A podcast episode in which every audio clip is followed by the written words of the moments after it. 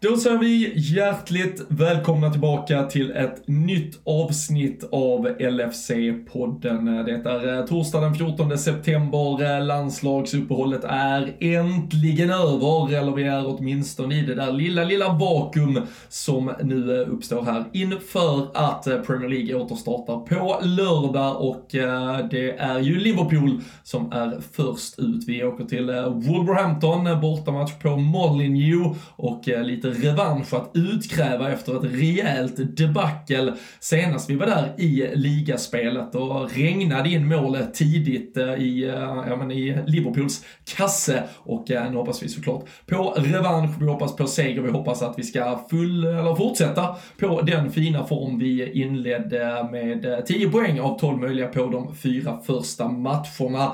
Det blir lite landslagssnack här men mycket fokus på att snacka upp den match som väntar. Eh, det är ju eh, lite huvudbry kanske för Klopp kring eh, startelva, lite annat. Spelare, vi vet alltid efter landslagsuppehåll, många som har rest långt. Vissa har spelat mer, vissa har spelat mindre. Men då är det tur att vi har Daniel Forsell som har knivskarpa analyser redo för att plocka ut bästa elvan och den startelva som ska besegra Wolverhampton. Så sätt er bara till rätta så har ni snart facit på hur Liverpool slår Wolverhampton på lördag.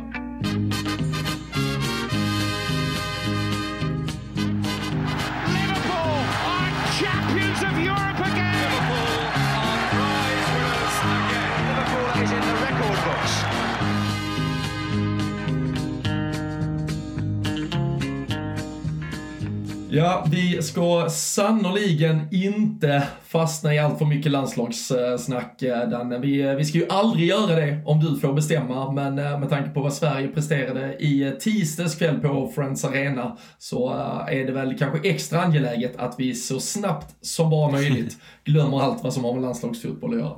Ja men det är tur att vi inte har någon koppling till, eh, till Liverpool hos oss i alla fall så att vi behöver liksom ha någon eh, analys eller någonting på, eh, på de matcherna. Nu gjorde väl Sverige en bra första match i och för sig, eller ja, beroende på på motstånd och allt det där. Men det är ju synd att konstatera att eh, det blir en, eh, ja men en eh, troligtvis då en sommar längre fram här utan mästerskap och ja, Tyskland du, du, borta och sånt hade ju... Du kör, ändå, du kör ändå troligtvis, du är lite i Jan Andersson-hörna. Du tänker det är ändå ganska stor sannolikhet att Österrike eller Belgien torskar tre raka, vi vinner tre och... Jag ger aldrig upp. Eller vad var det han sa?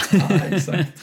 Nej men det är ju det, det, man blir rånad på i mitt läge i så fall är ju en eventuell liksom tripp tillsammans med... Alltså jag, jag kan ju ändå Eh, ja, som, som eh, du och alla vet så är ju inte det är inte så att jag sitter hyperbänkad och taggad inför de här matcherna. Men just eh, att eventuellt åka på ett mästerskap, det har jag gjort ett par gånger och det är ju, ja, men det är en upplevelse för sig. Så att, det, att råna eventuellt då, på samma sätt är eventuellt mig, men framförallt många andra som definitivt hade åkt på, på det. Det är ju jävligt eh, tråkigt, eh, helt ja, enkelt. Och det, det, jag trodde inte ens det gick att missa EM längre, det är väl det vi kan konstatera. Men det gick ju. Jag trodde med nya, du vet, utökade grejer, jag trodde liksom det bara typ var Liechtenstein, eh, San Marino och, och de här som missade. Men ja, Sverige ställer sig till, till dem helt enkelt, i samma, i samma hörna, i Jannehörnan. Ja, men precis. Det är ju, det är ju knappt de. Alltså, Skottland är ju, de är ju redan klara med, de har ju gjort eh, totalslakt i sin, visserligen då starkt, de har ju slått både Norge och, och Spanien, men eh, sen har du ju ett, eh, ett Finland som är på väg att, att harva sig dit, liksom Luxemburg innan de fick en rejäl kölhalning här mot Portugal, hade ju inlett ganska fint och såg ut att vara lite i pole position i den gruppen, så det,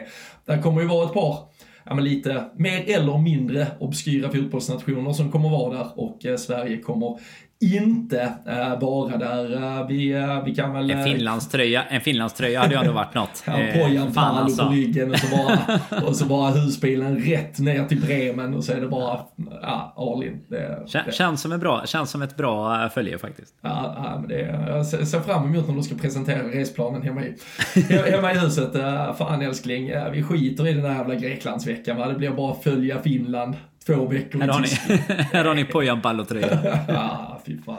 nej, det, det blir något att, att återkomma till. Vi får se vad, det, vad, vad dina sommarplaner blir. Jag ser fram emot att följa detta. Men jag nämnde ju bland annat där i förbifarten Portugals slakt av Luxemburg. Diogo Jota, två kassar där. Cody Gakpo, eh, back-to-back målskytt för eh, Holland. Eh, vi, ja, vi har haft en del Liverpool-spelare i action, men det är ju inte så att man sitter och konsumerar minut in och minut ut från vad de gör i landslagströjan. Det är ju uppdatera och se så de inte har linkat av skadade ungefär. Där, dit går ungefär gränsen för hur mycket man orkar bry sig.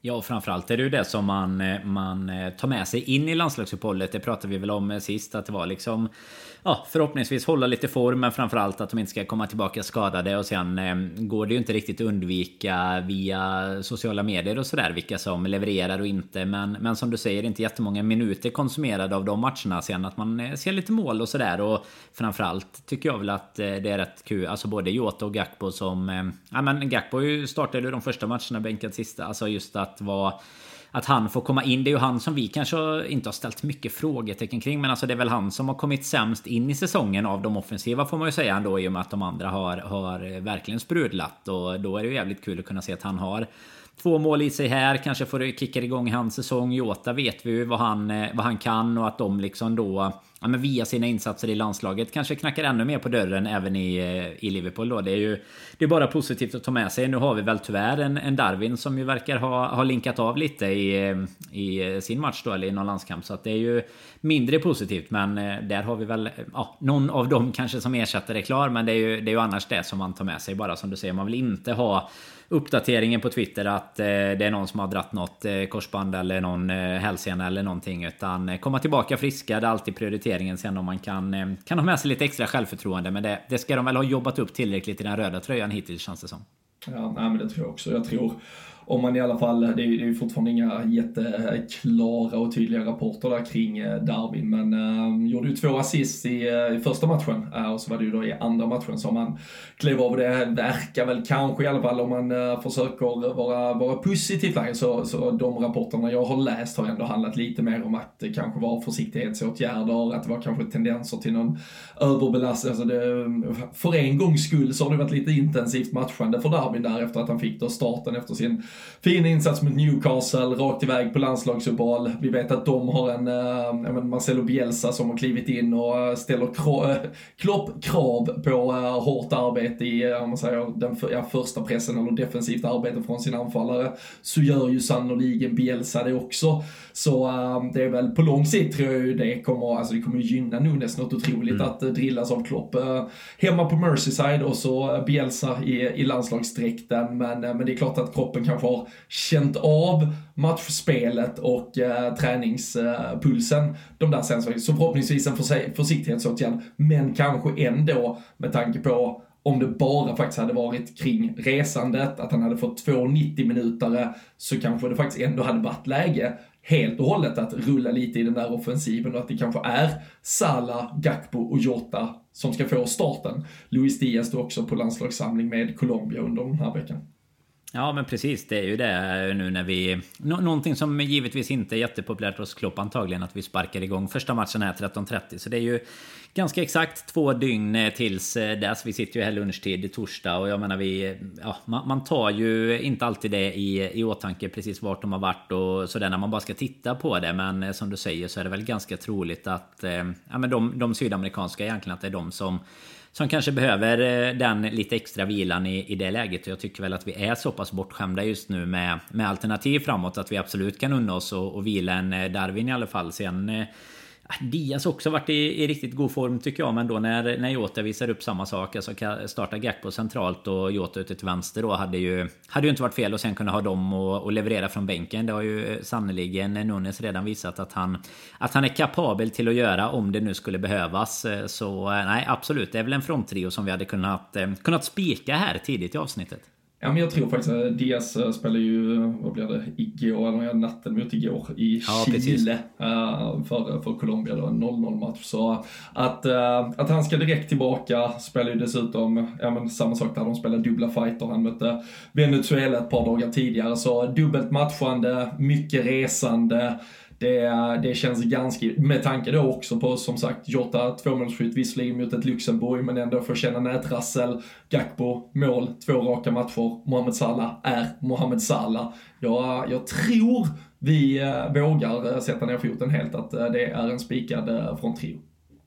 Ja, nej men det gör vi. Det, det, och Salah tror inte vi behöver vara så oroliga för att han varken ska orka eller, eller att han ska roteras. Det, det ser han till själv att det inte ska behövas. Så att nej, det, det får vi väl köra på. Så får vi väl se lite bakåt. För det är väl lite så här om man vill titta lite i eh, alternativen bakåt också tror jag. Men det är alltid svårt med de här 13-30 matcherna och, eh, och såklart med... Vi pratar ju mycket om det kring försäsongen. Typ hur de matchas, eh, hur minuter ska räknas. Vi är fortfarande ganska tidigt in på säsongen. Det här klassiska att Klopp säger att det typ är nu säsongen börjar efter första uppehållet och sådär. Det, det är tur att inte spelarna var helt med på det i de första matcherna i alla fall. Men att vi liksom nu då ska hitta verkligen in i vårat matchande. Vi har ju Europa League som inte startar nu eh, kommande vecka. Men det, eller det blir väl egentligen, det är väl en vecka kvar ifrån i, idag va? Ja, precis. Blir det väl. Eh, så att jag menar, då har du ju kommande vecka där också. Eh, tänker jag att vi sitter där en måndag, men det är ju faktiskt torsdag idag. Man blandar ihop lite här i skallen. Men då, då har vi ju dessutom dubbla matcher hela tiden för oss igen som kommer. Så att jag menar, vi kommer ju både behöva hålla spelare ja, men friska och fräscha och sen eh, inte... Ja men som med Darwin nu då kanske inte liksom blir att de blir överbelastade till en början heller. Sen är det klart att Europa League ger väl större möjligheter till rotation än vad, än vad Champions League hade gjort. Men eh, det är ju ändå så att vi har stora förväntningar på oss i, i en sån turnering. Så eh, nej, att eh, starta dem nu och så ha lite sparkapital på bänken. Det är väl, eh, känns väl som en eh, superidé till, till Molyneux i alla fall. Mm. Vi, eh, vi kan ju jobba lite, jag tänker att vi kan eh, successivt jobba fram startelvan och ta oss då, nu börjar vi ju uppifrån, så vi jobbar väl uppifrån och ner då helt enkelt. Och så via då alla de här olika stoppen på, på både mittfält och i, i försvarslinje så kan vi väl ta eventuella nyheter och eh, även annat som påverkar eh, de eventuella uttagningar vi eh, behöver eller tvingas göra eller vill göra. För eh, mittfältsmässigt så, så har vi suttit och hyllat eh, Dominic Choboslaj till skyarna här inför. Eh, fortsatt visat fin form för Ungern också. Alexis McAllister har varit och spelat landslagsfotboll med Argentina. Men eh, där eh, känns det ju som att eh, Klopp kanske ändå känner att de två båda är så pass viktiga så att de ska gå in. Jag satt och kika lite, för det kanske är någon som minns med fasa senast vi var på Molineux i ligaspelet. Vi förlorade ju med 3-0 den gången. Jag, jag kommer bara ihåg, jag, jag, var faktiskt iväg där och jag var på en jävla fotbollstränarutbildning och tänkte, ja vad fan, det är väl någon sån här halvig 1-1, alltså vi var ju i dålig form då också, så bara plingade. Alltså det var, det var 1-0, det var 2-0, jag tror vi ligger under med 2-0 efter en kvart eller någonting. Det var Matip självmål och det var ett fullständigt fullständigt haveri rakt igenom till match. Men framförallt när vi tittar mittfältet från den där matchen, Thiago, Stefan Bacicic och Naby Keita. Det känns som att på mittfältet kommer vi i alla fall vara bättre den här gången än vad vi var då. Dessutom så mötte vi ju då Ruben Neves, eh, Matteus Nunes eh, bland annat, två spelare som nu har lämnat Wolverhampton. Så mittfältsmatchen är väl vår att vinna när vi kliver ut på lördag. Ja, men det får man ju hoppas i alla fall. Och det är som du säger, alltså Soboslaj bara fortsätter ju med... Fortsätter att vara ett utropstecken på det man har sett eh, från, eh, från Ungern med både mål och, och sjuka framspelningar och, och assist och sen Så det... Han känns ju i alla fall som han kommer vara helt given. Sen, eh, sen är det väl lite som du säger kring matchandet då på, på en McAllister som kommer också och har spelat i i Sydamerika och sådär men jag tror ändå att det har alltså att vi vill sätta hitta ett mittfält där, eh, där vi börjar jobba mycket med dem. Sen gör ju eh, ändå... Fick man ju till och med se lite highlights reel på Twitter ah, för att de gjorde en jävla, tysken. jäkla match mot Tyskland. Ja, ja, skickade han sitt lik till Arbetsförmedlingen blev man ju lite eh, nästan uppspelt över vad, vad han ska kunna leverera också. Men jag vet inte, det är ju antingen då man känner att han ska in eller om det är typ en Curtis Jones som ska få nytt förtroende som, som senast. Är en Thiago närmare en återkomst? Det finns väl ändå lite att fundera på där kring mittfältet. Även om det första jag kritar in skulle ju vara, skulle ju vara en Soboslaj och gärna såklart en McAllister om han är eh, helt ja. fit för för det helt enkelt. Ja, jag sitter, sitter och skrattar lite för mig. Det hade ju varit extremt roligt om ändå då gör den här otroliga matchen för Japan mot Tyskland. Tyskland förlorar ju som sagt med 4-1 ifall någon har missat det. Hansi Flick fick sparken typ dagen efter och så hade Klopp gått med på att ta det tyska landslaget så ändå bara sabbat allting. Klopp sticker och så står han kvar i livet och bara fan gjorde jag? Helvete. Då hade han inte varit så poppis på träningsanläggningen när han kom tillbaka. han, fick, han, han, fick inte det eh, memot att han skulle ta det lite lugnt mot tyskarna. Så Nej, alltså låt tyskarna hålla, låt dem vara nöjda med hans plikt. De ska, de ska inte få några jävla idéer här. Men det, det verkar ju, jag, jag vet inte ens hur att säga, alltså samtidigt, ett ett, inga paralleller, men eh, fotbollsförbund ska ju såklart jobba för sitt lands bästa och det är klart de ska kratta alla gångar som går och försöka öppna alla dörrar som finns där. Så jag kan väl tänka mig att förbundet i alla fall har slängt ut frågan till Klopp. Vad är status? Finns intresset? Det verkar ju som att både Klopp och Liverpool har med all tydlighet förklarat att nej, det är inte aktuellt just nu. Det finns ett kontrakt som kommer löpa ett par år till och sen får vi se. Det verkar väl som att tyskarna går på Nagelsmann istället. Uh, och det, det är väl vi nöjda över i alla fall. Ja men verkligen. Det, det, det hade varit, eh, som du säger, det hade varit en en parodi och ett haveri bara i sig att ändå hade kickat, eh, kickat Flick och fått eh, Klopp dit istället. Så han hade kickat Klopp från Liverpool helt enkelt efter, eh, efter den värvningen. Så då hade han, det hade varit hans eh, eh stora avtryck än så länge i alla fall. Nu har han ju inte fått så mycket andra chanser men det hade nog kunnat leva kvar som det stora avtrycket. Men eh, ska man ge det bara fotbollsmässiga då, otroligt imponerande såklart av både, ja, både Japan som helhet men även eh, verkar han ha gjort en eh, grym match. Så att eh, skulle man kunna kunna få in honom lite där så, så skulle det kunna vara spännande. Sen också som du säger, alltså mot ett Wolves ju som har, eh, ja, men har försämrats när man tittar på pappret. De har väl... Eh, ja, det är ju det hittills. Det, de har tre det, poäng. De är de, lite, de, lite rånade såklart. Typ, ja, men, ja, och sen visst, ja, de blev absolut rånade på den där straffen och ett, eh, ja, men en, en chans till kvittering mot United. Där är det ju faktiskt, i alla fall i 60-70 minuter, är det ju en match de gör riktigt Absolut. bra. Sen är det väl också svårt att värdera var Manchester United både har varit och var de är eh, mm. också. Så äh, sätter en liten asterisk på det kanske. Men äh, den tre poängen de tar som är en 1-0 seger borta mot Everton är väl också tre poäng de inte är superförtjänta av om man ska vara Exakt. jätteärlig. Så det, det, är ju ett lag som, som sliter och som sagt som har nedmonterats framförallt på det där mittfältet som, som tidigare har varit väldigt, väldigt bra och konkurrenskraftigt i den här ligan. Jo, det känns inte som att de riktigt har eh, alltså, ersatt med eh, alltså, någonting av, eh, av, av kvalitet som ens närmar sig det. Jag menar, de har ju Ja men hela sen innan då i alla fall den här eh, portugisiska kopplingen Den har ju liksom eh, lite samma sak där börjat och monteras ned känns det som Från hur det, hur det var tidigare och när de liksom hade sina, sina bästa år där När de liksom är ett lag som man absolut känner det med att kriga på övre halvan så så känns det ju snarare än så länge deras eh, första fyra matcher här som att de är ett lag som verkligen kommer få Alltså kommer få kämpa för att hålla sig kvar i stort sett nu. Nu kommer det säkert vara lite konkurrens om vilka som vill vara sämst där nere men har ju av det man har sett utöver egentligen. Alltså det är United-matchen som de var någorlunda imponerande. Eh, som du säger i framförallt om ja, den första delen och sen att de har, har lite oflytt med, med domarmissar och sånt i slutet med. Men sen, eh, sen är det ju inte någonting egentligen som talar för att det är något som skulle imponera. Utan tittar man eh, vi mot de första fyra här så är ju, kommer ju vi in med, med riktig studs och de snarare med någon sorts eh, krisstart. Jag menar det är Everton som de som de till slut slår ganska oförtjänt. Det är också ett lag som har börjat eh, extremt dåligt. Så det är ju ingen eh, jättefjäder i hatten och har gått, gått med tre poäng ifrån Goodison denna säsongen heller så sett. Utan det är ju snarare en, en sån trepoängare som kan vara kan vara en sexpoängare i slutändan när man tittar på, på vilka som fightas kring nedflyttningsplatserna. Så att, eh, att vi går in som stora favoriter i stort sett vilket lag vi än ställer ut. Oavsett att det är en 13-30 match och, och, hela den biten. Det, ja, men det måste vi ta på oss det favoritskapet för, för det här laget tycker jag att vi ska det, det, ska vi kunna gå ut och föra en match mot och, och, vi ska eh, egentligen, man vet ju att det aldrig blir så, men vi ska egentligen kunna gå komfortabelt eh, och, och kunna räkna med att vi kommer att ta med oss en ny trea hem. Men eh, ja, vi får väl klippa bort det i värsta fall om, vi, om, om det händer något annat så, vi inte kan, så ingen kan backtracka oss på det. Nej, vi får se.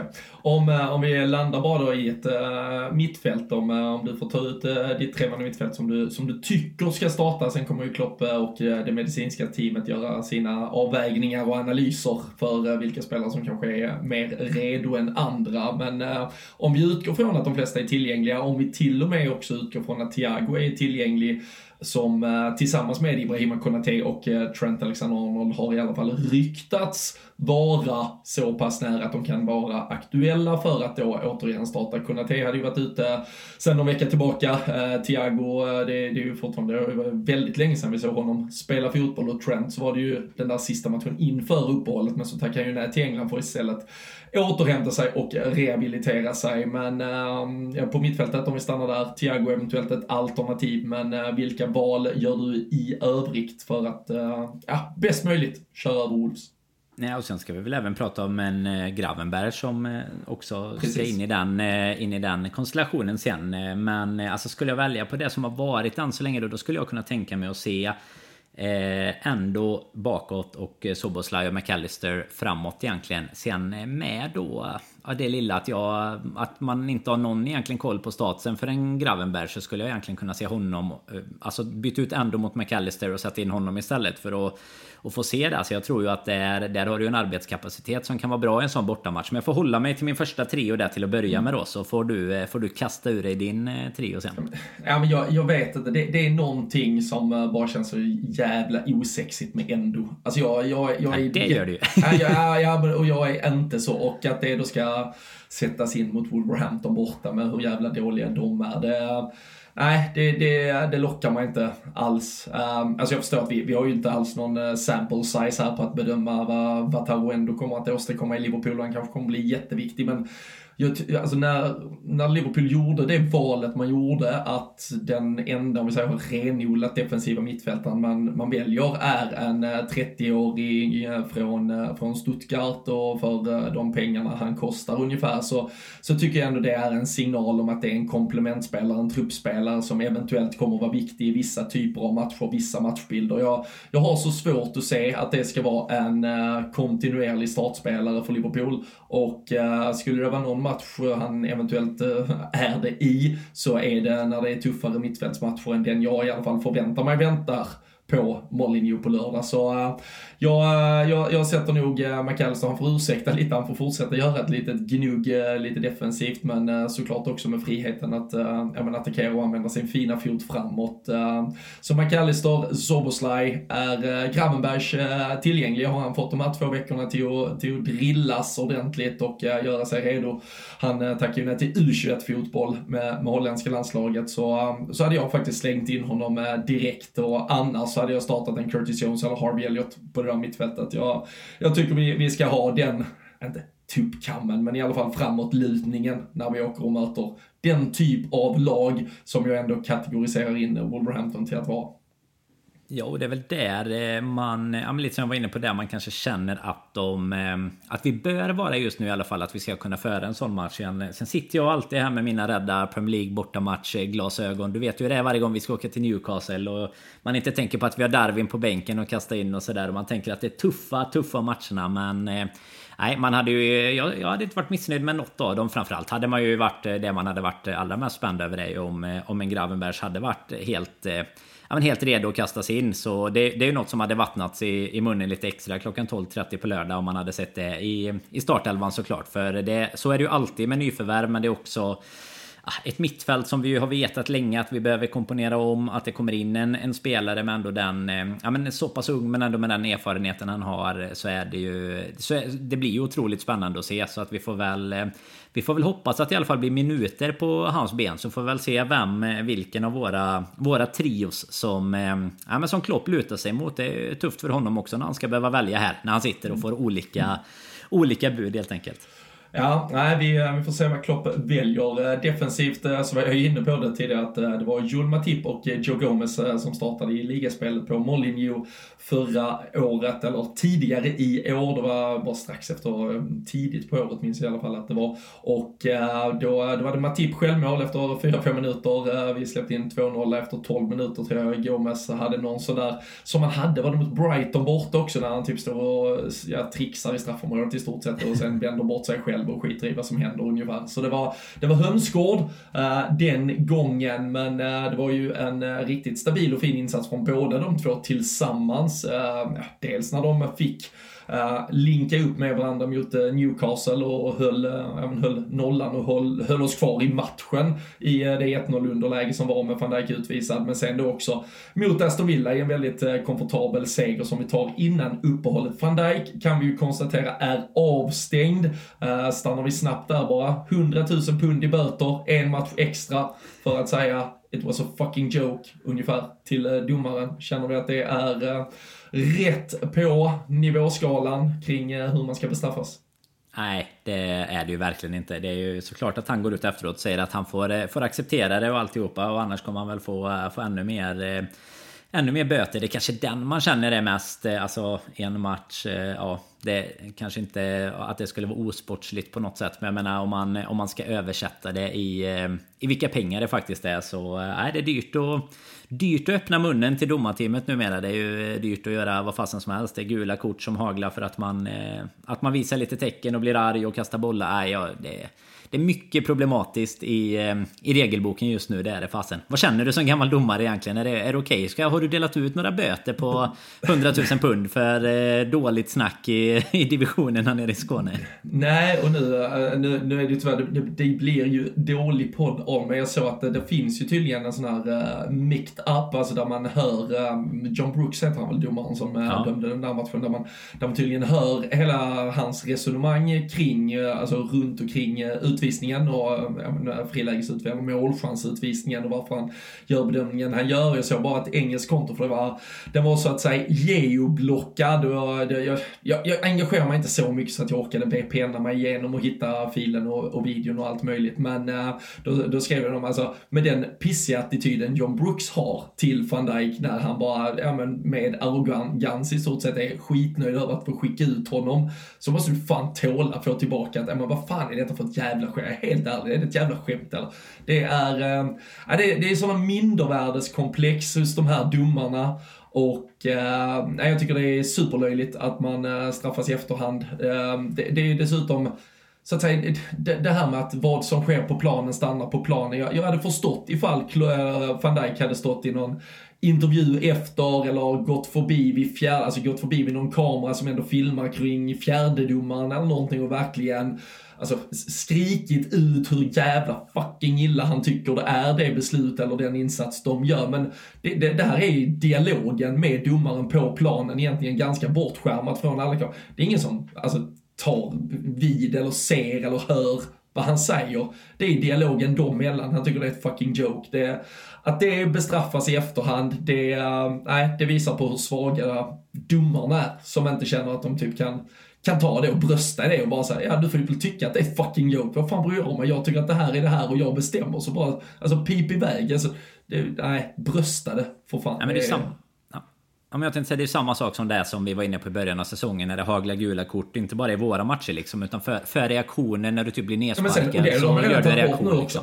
Det, ja, det men exakt. Det ja, ja, men jag menar det. var, nej, och det, det, är ju liksom så här, det hade man ju inte behövt vara, vara liksom någon eh, hjärnforskare för att, att fatta att det inte skulle kunna hålla på över en säsong. För det hade ju blivit gula kort och du hade fått avstängningar och, och sånt hela tiden för spelare som inte har gjort en enda tackling typ. Men jag menar, att du inte ens ska få reagera, det är ju exakt samma sak där. Om du hade blivit tacklad och så står du efteråt och säger att ja, men domarna är ju helt eh, dumma i huvudet för att de eh, visar inte ut honom eller gjorde inget åt det. Ja, men då har du faktiskt tagit ett aktivt beslut att inte bara på en reaktion stå och kritisera någon som du vet om att du inte ska kritisera på det sättet i alla fall, eller i de ordalagen. Och då kan man ju köpa det, precis som du är inne på. Stå van Dijk efteråt och säger bara alltså en timme efter det har hänt, eller till och med mer då blir det ju eftersom det var så jäkla tidigt i matchen. Men alltså två timmar efter och bara nej men de är så, de är så dumma i huvudet, de är kass, de vet inte vad de gör. Alltså det är klart, då ska du bestraffas alltså på samma sätt som kanske Klopp och de ibland, eh, alltså tränarna bestraffas för vad de säger i och för sig då ganska direkt efter matcherna men ändå med lite eftertanke. Jag menar här mm. är det ju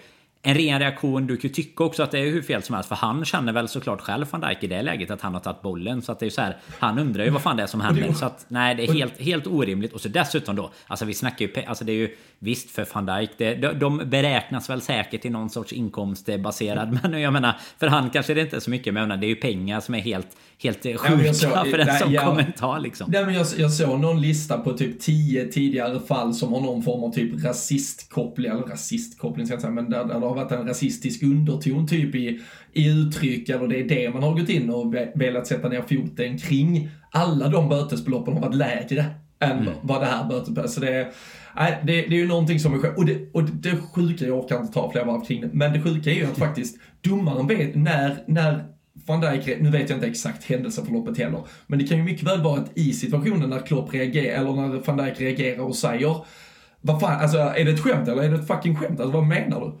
Då kan ju också domaren faktiskt fortfarande vara i situationen där han faktiskt ska ta hjälp av ett varrum mm. för att bestämma. Så han vet ju inte faktiskt om det är ett fucking skämt eller inte.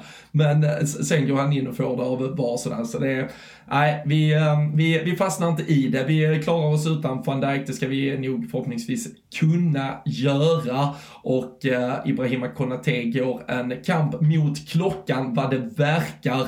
Jag tänker väl så här med tanke på Konates tidigare skadehistorik också att uh, visst, jag vill jättegärna säga, och så här, är han 110% frisk, då ska han 100, alltså, då ska han ju starta. Men är det minsta lilla tveksamhet, då tror jag ju att Klopp ändå väljer att gå på Gomes sådana tips. som dessutom har haft, ja men hela det här landslagsuppehållet, att vara kvar på Merseyside och gnugga. Uh, eller uh, tror du att uh, forcerar man in Konate oavsett status här eller handlar mycket om att han verkligen ska vara 100% redo för att gå in? Nej, men jag tror också att han måste vara 100 och det, det baserar man ju nästan mer på hans eh, historik kring skador än, eh, än att det skulle gälla just den här matchen eh, isolerat om man säger så. För jag menar, det är en spelare som vi inte har råd att, att hålla på och riska massa med heller. Sen är väl frågan egentligen då om man ska, alltså, och där kan vi ju konstatera då en Matip Gomes och en Robertson och en Trent på kanterna. Men då är frågan bara vem, vem hade du skickat, om Konate nu är frisk, vem skickar du in bredvid honom i så fall? Ja men då tror jag jag behåller Gomes faktiskt. Ja det hade jag gjort med. Det hade jag ja, gjort. För jag tycker fan, jag tycker han har spelat sig till det. Får man, och, ja.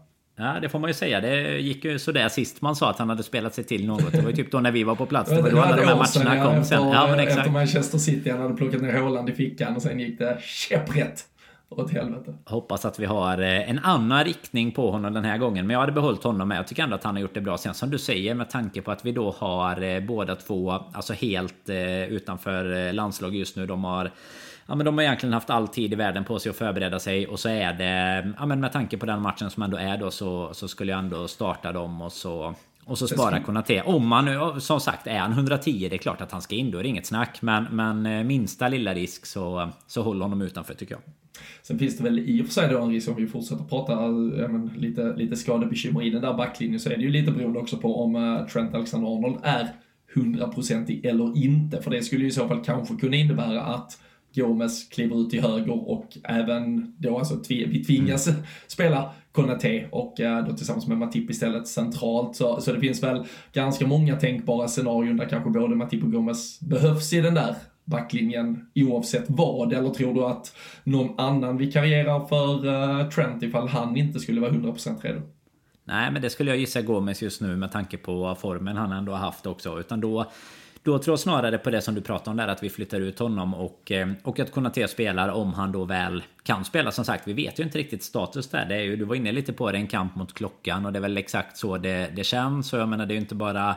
Det är ju ingen eh, väl bevarad hemlighet att han, eh, att han är skadebenägen. Så jag menar, det är ju inte... Det är nog inte bara vi som gärna hade sett honom eh, vila lite om det, om det verkligen inte hade behövts. För det hade ju varit katastrof att bli av med honom under en, en längre period nu när det som sagt är lite tätare matchande och sånt som väntar. Och så får vi tillbaka en van Dijk sen efteråt med. Så att, att få in de två igen i, i förhoppningsvis så full form som möjligt så fort som möjligt så tror jag ändå att vi ska, ska klara oss här. Men jag ser inte vem som egentligen skulle gå in och ta vikarieringen annars i detta läget. Utan jag tror faktiskt att det skulle vara en Gomes ut, eh, ut på högerbacken i så fall. Ja, vi får se. Jarell Kwanza har ju fortsatt få sina inhopp. Fick ju kliva på även mot Aston Villa. Kanske står och bankar lite på dörren. Känner lite lätt på handtaget i alla fall till en startelva. Så är det ju. Absolut. Och det är ju... Ja, det, är det, är alltid spännande va? När de kommer ja. Eh, nerifrån så. Det är ju alltså på ett sätt. Alltså, jag vet inte om det skulle vara... Det är klart att rutin och, och allt har sitt. Men att det skulle vara med tanke på hur eh, högt skattad han ändå verkar vara. Så att det skulle vara mycket sämre än typ en, eh, en Matip eller någonting. Jag vet inte om det egentligen hade, alltså, hade är varit det. Är, det. är det mycket sämre än Matip så borde han ju inte vara ja, då, då, borde han inte knacka på. Ja, då, har, då har vi stora problem. Då är det bara Nej, men jag menar just det är lite som... Jo, men det är lite det här vi pratar om. Alltså där, där finns det tycker jag också anledning ibland att fundera kring att eh, möter du en, en anfallare som är riktigt så här Premier League-räv eller som är världsklass eller någonting. Ja, men då kanske det finns någonting hos en spelare med rutin vad gäller positionering, vad gäller ja, men viss typ av nedstängning liksom. Även om, om, eh, du såklart inte alltid förväntat dig det högsta av en sån som Matip längre heller. Men då kanske rutinen talar mer för det. Nu när du möter ett Wolves som ändå haft en jäkla tuff start. De gör ju inte särskilt mycket mål heller. Och, ja, då, då känns det som att då hade det inte varit eh, någon katastrof heller att, eh, att se. Alltså inte som ett experiment utan snarare som att visa att så här, men han är redo nu. Och jag menar gör du inhopp i de här matcherna så är det ju inte, alltså som vi sa när, du kom, när han kom in mot eh, Newcastle. Då var det ju fortfarande ett underläge dessutom liksom. Så det var ju inte i, eh, heller i någon sorts eh, klassiskt gammalt kloppanda Matip-byte där man bara byter in de sista fem för att och göra ett byte och slösa lite tid liksom. Utan eh, han har ju ändå fått sina minuter här. Så att det är ju spännande. Det är ju kul att se vart den, eh, den eh, karriären tar vägen den här säsongen. Om det blir något mini-genombrott eller någonting. Det beror ju på hur, hur våra andra eh, mittbackar håller sig skadefria såklart skulle jag säga. Ja, ja, men precis. Vi, vi hade fått lite frågor på Twitter just kring backlinjen och mittbacksparen och sådär. Vi kan väl bara sammanfatta det lite då som att om, äh, om alla är 110% redo, då, då ser vi ju såklart för det första helst att Trent spelar högerback och i så fall att det är Konate och Joe Gomez som är mittbackar. Uh, men uh, minsta lilla tveksamhet på Konate så, så kör vi Gomes Matip helt enkelt.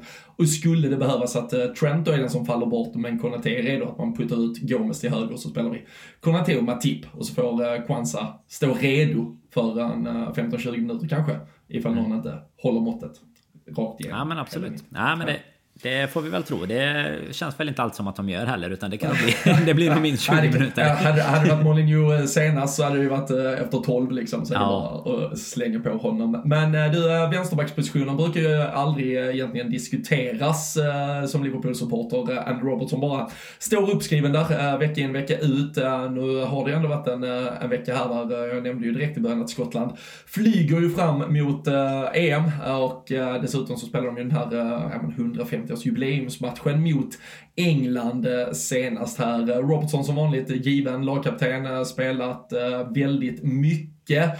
Kostas Simikas däremot spelade bara första matchen med Grekland borta mot Holland. Slaktar av holländarna 3-0. En av de där som Cody Gakpo gjorde mål i. Sen har jag inte full koll, men han spelar inte alls mot Gibraltar. Jag vet inte om det var för att jag såg att han plockade upp en varning mot Holland, så jag vet inte om han var avstängd Eventuellt, han var inte alls i truppen, åtminstone. Om det är så att Costa Simikas är 100% redo och Andy Robertson nu har matchats hårt. Eh, är det en av de där, det händer ju tre, fyra gånger per säsong i ligaspelet att eh, Simikas kliver in.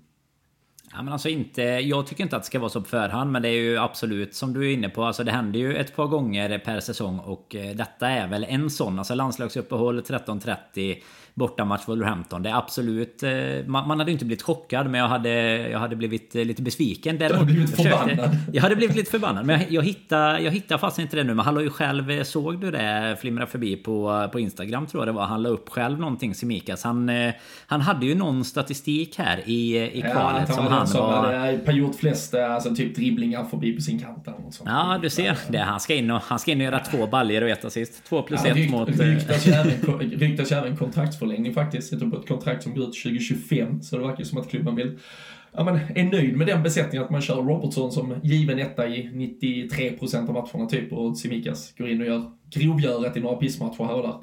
Ja, och sen är det väl svårt och alltså det som vi alltid brukar prata om med, med typ andra målvakter och sånt. Och det är väl lite samma sak när du står bakom en Robertson som väldigt sällan är skadad och sådär. Så hittar du en spelare som ändå kan hålla ja, hålla någorlunda kvalitet liksom som ändå kan tänka sig att axla den rollen så, ehm, så är väl inte det helt fel tycker inte jag heller. Även om man inte tycker att han på kanske kvalitetsmässiga grunder ska, ska vara en eh, jättestor del av av ett lag som vi hoppas ska vara ett av världens bästa. Men eh, som sagt, det är ju svårt att hitta spelare som också ska sitta och vara nöjda med den positionen. Och det tror jag att Simikas gör. Jag tror att han sitter ganska gott där med, med sitt Greek Scouser och kan vara med i lite goa videos och så på, um, på LFC-TV. Så att eh, ja, det är, väl inte, det är väl inte fel och kanske inte en alltför dyr lösning heller eh, i jämförelse med vad det skulle kunna behöva vara. Sen eh, som vi har pratat om innan så finns det ju kanske andra anledningar att titta på på backlinjen i det här eh, i det formationen och systemet om vi nu ska fortsätta spela inverterad ytterback och sådär då då kanske Simikas roll kommer att spela ut sig för då kanske Robertson tillsammans med någon annan som ska, ska varieras i matcherna. Men, men det återstår ju att se. Det blir en, en senare fråga helt enkelt nu. Det blir väl kanske inte ens till, till vintern utan till nästa sommar i så fall. Mm. Men eh, om du, eh, baserat åtminstone på informationen vi har och så vidare, att eh, Robertson inte har kommit eh, tillbaka och känt sig extremt sliten eller sönderkörd och Otsimikas inte har eh, knorrat in 48 frisparkar på träning, typ. Eh, körde Robertson från starten då? Ja. Eller? Jajamän. Ja, ja det gör ja. jag. Ja, men det är bra. Då, då har vi satt ihop en elva eh, såklart eh, med eh, Alison Becker längst bak. Vi kan ju konstatera där också att Adrian, denna underbara människa som är kvar i våran trupp, inte fick plats i Europa League-truppen däremot. Då gav man lite plats för att kunna slänga in Bobby Clark och Ben Doak. Man körde istället och ja, för, vi har Jaros med som tredje keeper väldigt oklart när Adrian eventuellt kommer behövas om det inte ens var i Europa League. Men eh, ja, kul tre, att ha Bland tre liksom. Ja, ja, men det är helt galet. Bland tre också, typ som Jaros där till exempel. Då känner man ju så att där hade väl Adrian lika väl. Ja, jag vet inte, det, det känns... Ja, men ja, då, då hade han ju tagit en, en plats så att säga. Ja, det är klart. Det, ja, det är klart. Han blir ju en äh, egen plats. Ja. Öppna upp där. Men äh, ja, det är sant. Nej, vi, äh, vi, vi har knackat ihop en, en riktigt fin startelva här så jag har goda förhoppningar om att vi ska ta tre nya poäng på lördag. 13.30 är det som sagt avspark.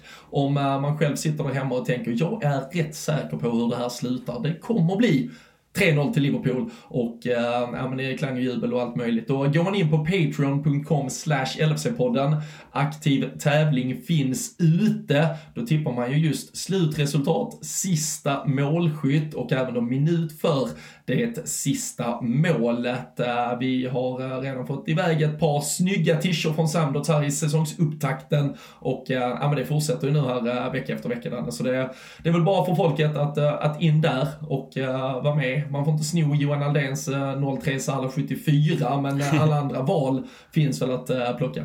Ja men så är det ju. Det var ju dessutom så att eh, jag vet förra säsongen när vi ju eh, när det var lite mer överraskande resultat ur negativ synvinkel tyvärr då för oss så var det ju en hel del matcher där det inte där det inte blev någonting utan där Tishan fick hänga med i, i potten så att säga. Men det ja, har inte varit man, några problem alls den här säsongen hittills utan det skickas ja, till höger, vänster, norr och söder liksom. Ja men man har sett hybris. Ja, man har ju man har ju plingen på de här jävla tipsen som kommer in. Då sitter man i telefonen och säger 05, 1 Man bara lugn, lugn nu folket. Alltså ja. Nej, men vi får se.